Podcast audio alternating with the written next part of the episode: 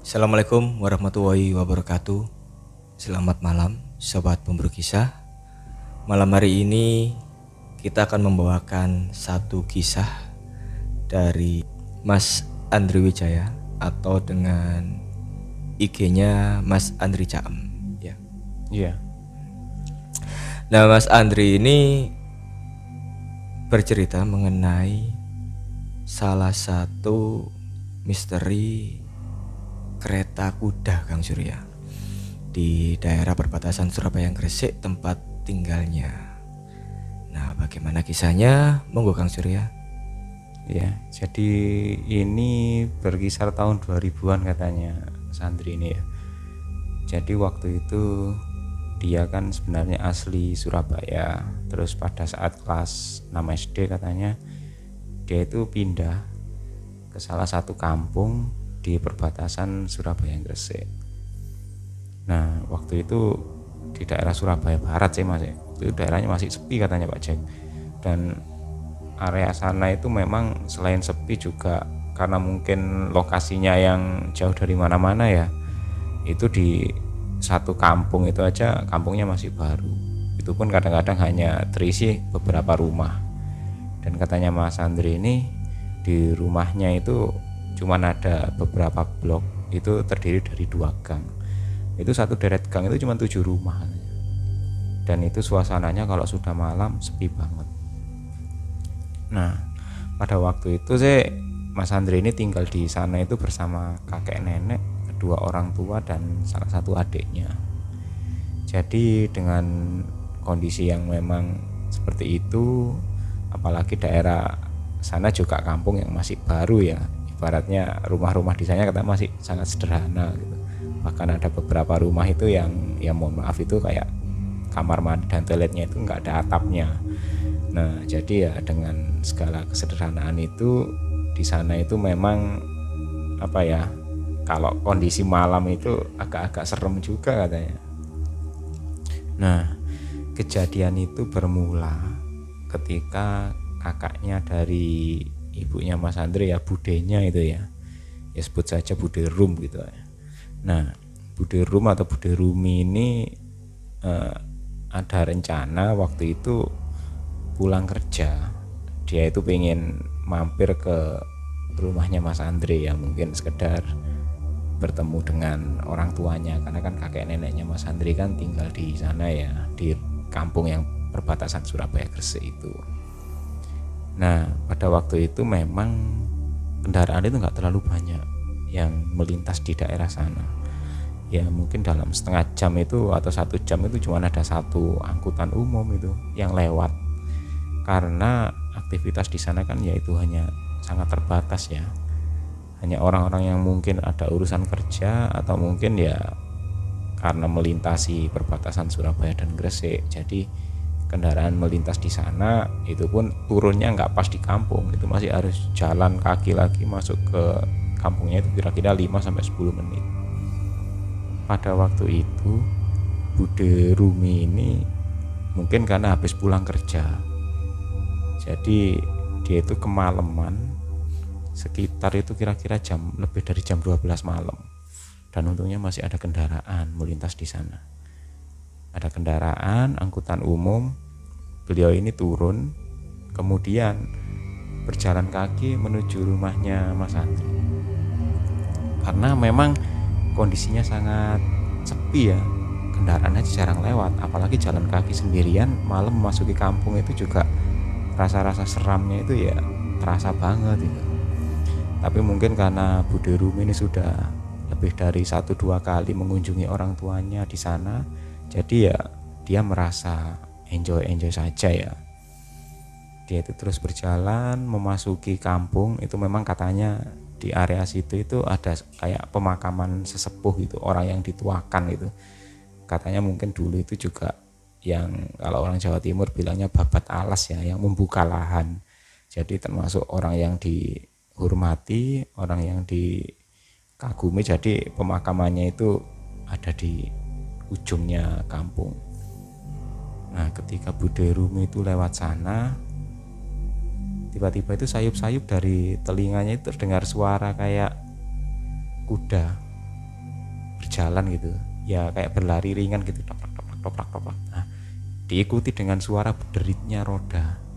Rodanya dokar. Dokar itu kalau orang Jawa Timur kan bilangnya dokar ya itu semacam delman gitu. Jadi berdati delman yang ditali oleh kuda nah Bude Rumi juga minggir wah ini kok tumben ada dokar lewat sini ya ada delman lewat sini. Dia menoleh ke belakang itu ternyata memang ada kereta delman ditarik seekor kuda. Kudanya itu tinggi besar gagah banget itu dan penumpangnya itu seorang laki-laki. Itu wajahnya itu tampan rupawan.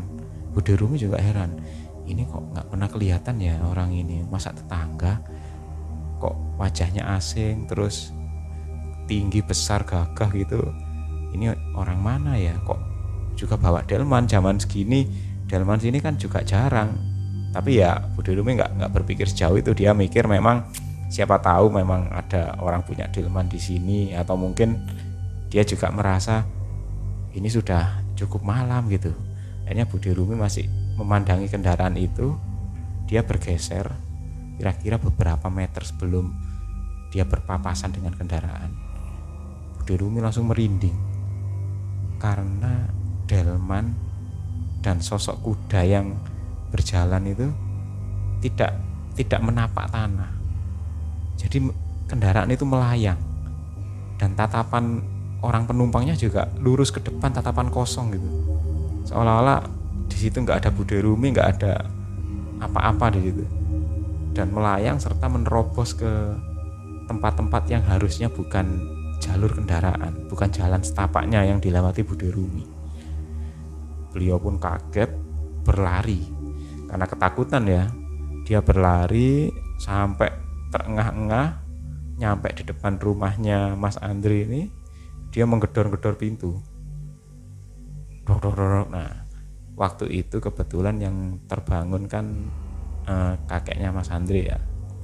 Jadi dia terbangun membukakan pintu dan melihat Bude Rumi itu terengah-engah. Loh ada apa kok? Seperti habis kejar-kejaran sama maling gini.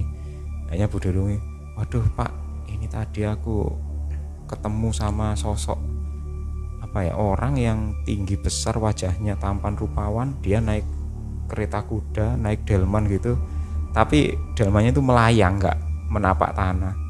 Wah masa sih ini loh kampung sini itu sudah nggak ada yang bawa delman. Nah iya makanya itu kok bisa papasan kayak gitu ya ya? Ya sudah masuk dulu sana cuci-cuci muka terus apa istirahat mungkin kecapean katanya. Akhirnya Bude Rumi istirahat dan keesokan harinya kejadian yang menimpa beliau semalam itu diceritakan ke apa orang tuanya Mas Andri juga termasuk Mas Andri juga dengarkan ya.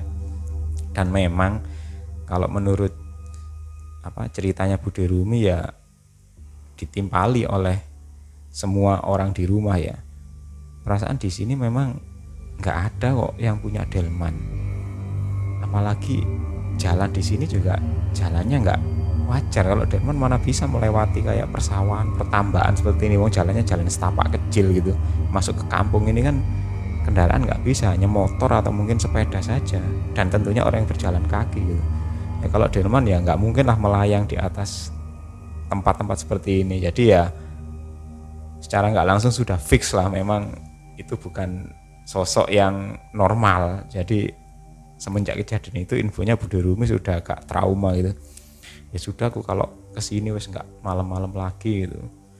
Nah setelah agak lama dari kejadian itu dan sempat menjadi apa ya Mas Andri waktu itu dengan apa yang dialami budenya itu dia merasa cukup cukup takut juga ya cukup merinding juga. Ternyata di tempatnya dia ini memang ses, apa bener-bener kalau tengah malam itu cukup menyeramkan juga gitu walaupun tidak mengganggu tapi itu sudah cukup membuat Mas Andri untuk merinding ya di rumahnya.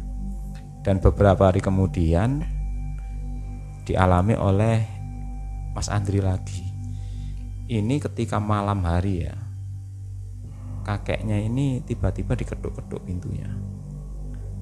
Nah, karena kakeknya Mas Andri ini kan biasanya tidurnya yang paling malam ya diketuk pintunya digedor-gedor gitu ini siapa ya? Ada tamu atau gimana? Dilihat itu sudah malam banget di atas jam 12 gitu. Ketika dibuka pintunya ternyata Bude Rumi. Loh tumben ke sini malam-malam. Katanya sudah nggak berani ke sini malam karena memang waktu itu setelah kejadian yang pertama ya Bude Rumi itu ke sana palingnya jam 7 malam terus jam 10 malam sudah pulang lagi. Jadi sekedar mampir. Iya pak ini anu kemalaman katanya. Jadi ya dari raut mukanya itu kayaknya kecapean gitu dulu kamu sakit apa kenapa kok wajahmu kok pucat banget gitu? Enggak enggak apa-apa ini mungkin kemalaman gitu. Bapak anu lah sudah makan lah ya belum masuk dulu sana. Oh ya wes nanti sebentar tak belikan makan katanya. Oh iya jadi Bude Rumi ini pamit membelikan makan siapa? Uh, kakeknya bapaknya itu ya. Jadi kakeknya Mas Andri itu mungkin setelah membuka pintu dia itu di menunggu dia sempat berpesan malam loh ya hati-hati. Jangan sampai ada kejadian kemarin kalau beli makan. Iya pak gitu. Akhirnya kakeknya Mas Andri ini nunggu karena budi ruminya masih cari apa keluar nyari makan buat dia gitu. Ditunggu lama kok nggak datang datang mulai jam 1 sampai jam 3 bahkan sampai subuh itu Mbah putrinya Mas Andri itu bangun. Loh Pak ngapain di ruang tamu depan pintunya dibuka? Ada tamu tak ya apa? Kakeknya Mas Andri juga bilang loh ndak itu loh. Anakmu tadi datang malam-malam terus kok keluar lagi katanya pamit belikan aku makan. Jam berapa datangnya pak?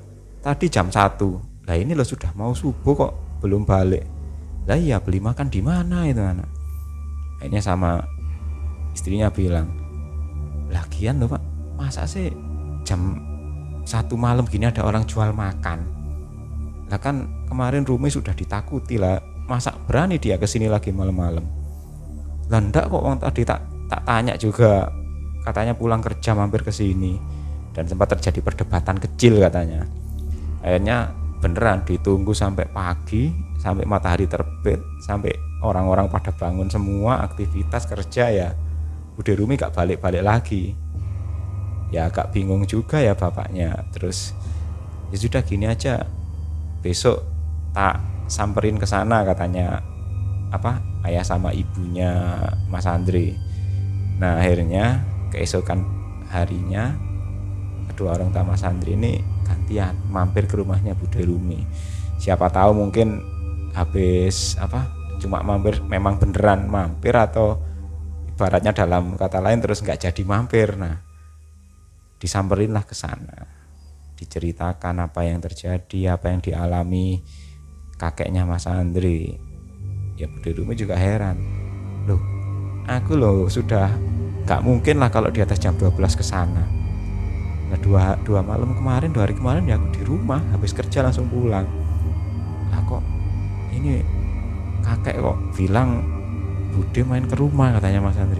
Loh masa sih?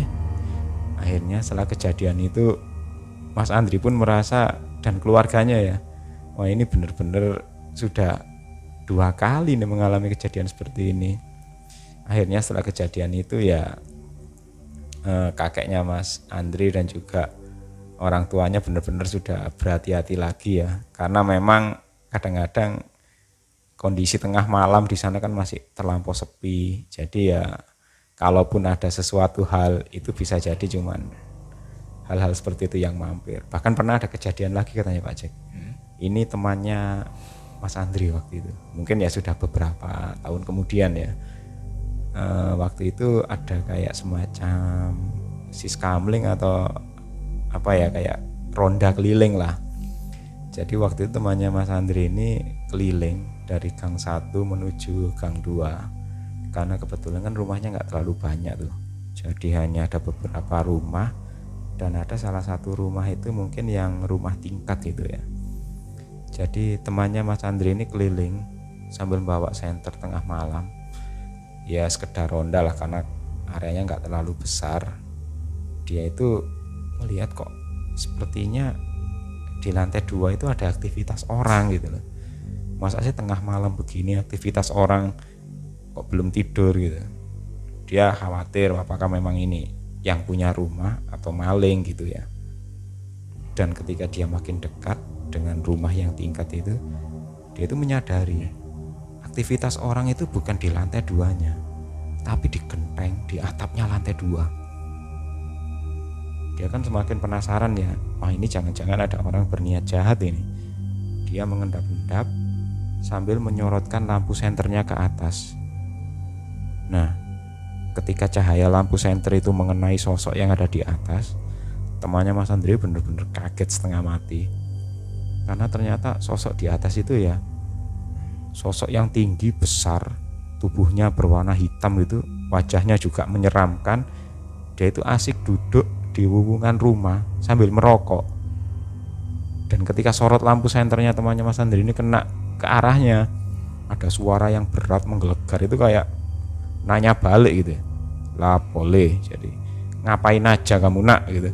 Kaget ini temannya Mas Andri lari dia. Dan beberapa waktu kemudian setelah bercerita ke orang-orang lain ya sosok itu sudah nggak ada. Ya kayak semacam mungkin penampakan entah itu yang memang nunggu di sana atau mungkin sekedar sosok gaib yang lewat atau gimana itu masih belum tahu juga tapi setidaknya Mas Andri memang merasa bahwa dulu dan awal-awal dulu sampai sekarang itu di kampungnya yang perbatasan itu memang agak serang perbatasan antar kota Surabaya Gresik itu Pak Jack. Hmm. Jadi itu kisahnya Mas Andri. Dan ini katanya Mas Andri juga informasinya untuk dokar tadi Kang Surya. Iya. Dokar tadi itu atau delman tadi yang berada di kampungnya Mas Andri itu ya itu menurut orang-orang sekitar itu adalah penunggu atau sesepuh yang ada di sana yang yeah. membabat alas katanya. Iya, yeah, babat alasnya itu ya. Dan itu memang jalurnya Kang, jalur lewatnya. Jalur lewatnya kereta Delman kudanya ya. ya. Mungkin zaman dulu kan waktu masih apa masih berupa hutan hmm. atau apa. Jadi sesepuh itu yang babat alas yang buka lahan ya mm-hmm. terus kemudian sekarang entah jadi persawahan atau tambak jadi mungkin hanya rutenya mungkin area situ itu tadi dan ya. kebetulan juga budenya Mas Andri itu lewatnya pas di jalan itu maksudnya di jalurnya jalur lintasannya lintasan kereta kuda, kereta kuda tadi dan itu pun katanya Mas Andri informasinya kejadian itu sampai tahun 2010 itu masih ada masih ada ya. masih ada yang apa namanya mengalami penampakan itulah. Bertemu dengan sosok mm-hmm. sesepuh penunggu dan setelah tahun 2010 kampungnya sudah padat sudah jarang sekali ada penampakan sosok-sosok itu. Mungkin sudah aktivitas sudah mulai rame lampu-lampu sudah mulai banyak ya Pak. Terus jalannya juga cukup lebar gitu mungkin Pak. Iya. Ya terima kasih Mas Andre atas kisahnya. Untuk sobat pemburu kisah jangan lupa untuk like subscribe, serta tinggalkan komentar di bawah.